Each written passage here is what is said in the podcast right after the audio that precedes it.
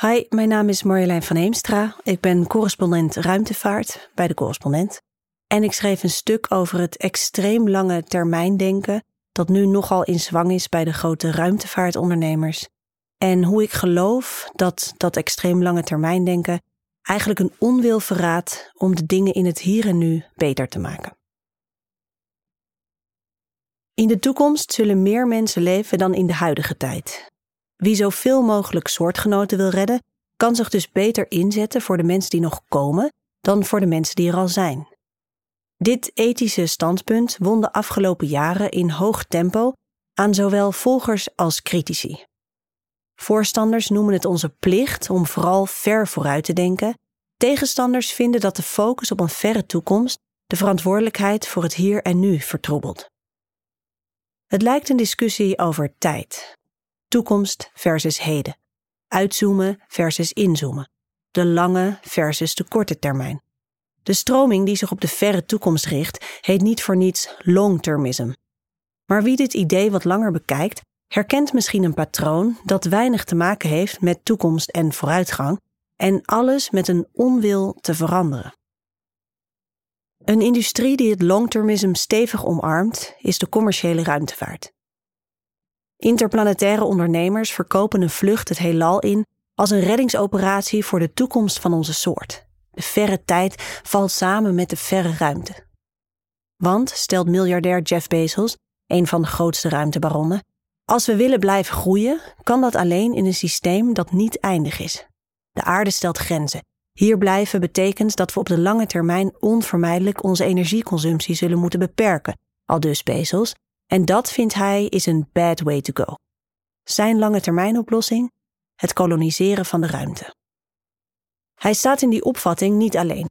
De afgelopen jaren zagen we een snelle groei van het aantal bedrijven met kosmische ambities en dito namen. Lunar Outpost, iSpace, Astra, Planet Labs. Ze stellen bijna zonder uitzondering dat het exploiteren van het heelal een noodzakelijke ontwikkeling is om de mensheid in de toekomst voor aardse schaarste te behoeden. Expanding Earth's economic and social sphere to the moon is our first step in securing our future. Al dus de inmiddels ter ziele gegane website van Moon Express, een van de ruimtevaartbedrijven. Het wordt gepresenteerd als een feit. We groeien hier op aarde onherroepelijk uit onze jas, want de mens wil altijd meer. Expand our planet, expand our future is het motto van iSpace, dat zich richt op mijnbouw op de maan. Ook ruimtebaron Elon Musk spreekt zich graag uit over buitenaardse oplossingen voor de lange termijn. Met zijn kapitaal zou hij op aarde levens kunnen redden, maar dat wil hij niet. Hij wil de mensheid redden, die van de toekomst wel te verstaan. Dus steekt hij zijn geld in raketten, omdat het echte gevaar wat hem betreft buiten de aarde ligt. Het is de inslag van een asteroïde die ons ooit zou kunnen treffen. Of op de nog langere termijn het moment waarop de straling van de zon sterker wordt en de aardse atmosfeer aantast. Dat moment breekt aan over honderden miljoenen jaren, maar het zal je maar gebeuren. Dat je alles inzet op een eerlijke, schone wereld en dan suist er een monsterlijke ruimterots recht op de aarde af.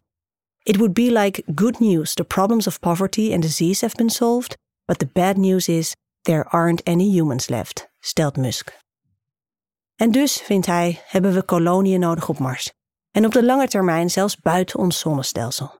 Concrete problemen hier en nu moeten wijken voor de problemen van een mensheid in een krankzinnig ver verschiet. De mensheid van vandaag is het redden niet waard, maar onze achter, achter, achter enzovoort kleinkinderen kunnen rekenen op de ruimtebaronnen. Behalve door kapitaalinjecties wordt de commerciële ruimtevaart dus gevoed door de romantische overtuiging een bijdrage te leveren aan het behoud van onze soort. Het is een verwarrende kluwe van winstbejag en nobele intenties, longtermism en neocolonialisme. En daar klinkt een eeuwenoude echo. In zijn boek The World Turned Inside Out onderzoekt politicoloog en historicus Lorenzo Ferracini het gedachtegoed van het oude Europese kolonialisme. Volgens hem was dat gebaseerd op horizontaal denken. In samenlevingen waar eeuwen geleden tekorten ontstonden, maatschappelijke tegenstellingen groeiden en sociale onrust de kop opstak, werd verplaatsing als oplossing gezien. Wie zich thuis niet meer thuis voelt, heeft twee opties: in opstand komen en het thuis heroveren, of ergens anders een nieuw thuis stichten. En de kolonisten kozen voor optie 2. De gebieden die in de droom van een nieuw thuis moesten voorzien, waren uiteraard niet leeg. Lokale gemeenschappen betaalden de prijs. Het conflict dat thuis werd ontvlucht, werd zo alsnog uitgevochten tegen vijanden die niets anders deden dan leven waar ze altijd al leefden.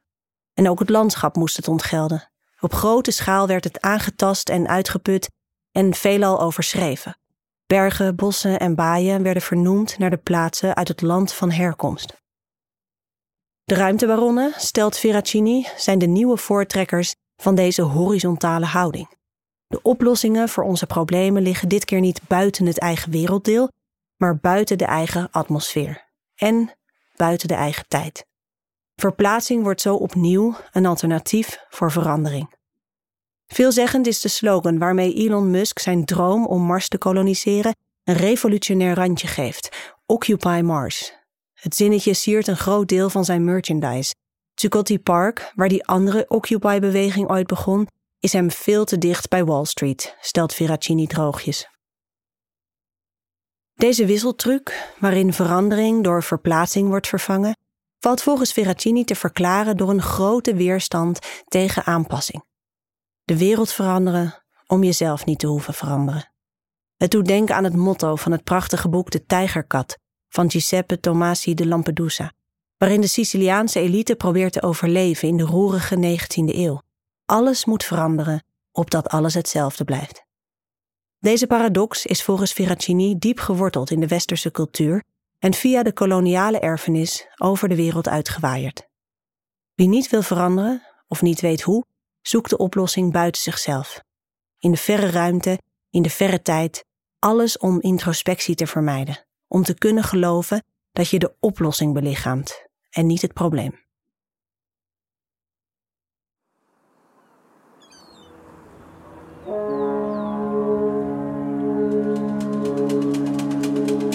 90% van onze spullen komt uit een container. 90%.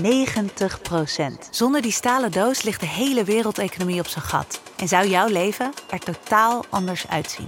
Hier komen dus nieuwe kaders om straks 20 miljoen containers te kunnen laden elders. En toch komt de container in bijna geen enkel geschiedenisboek voor.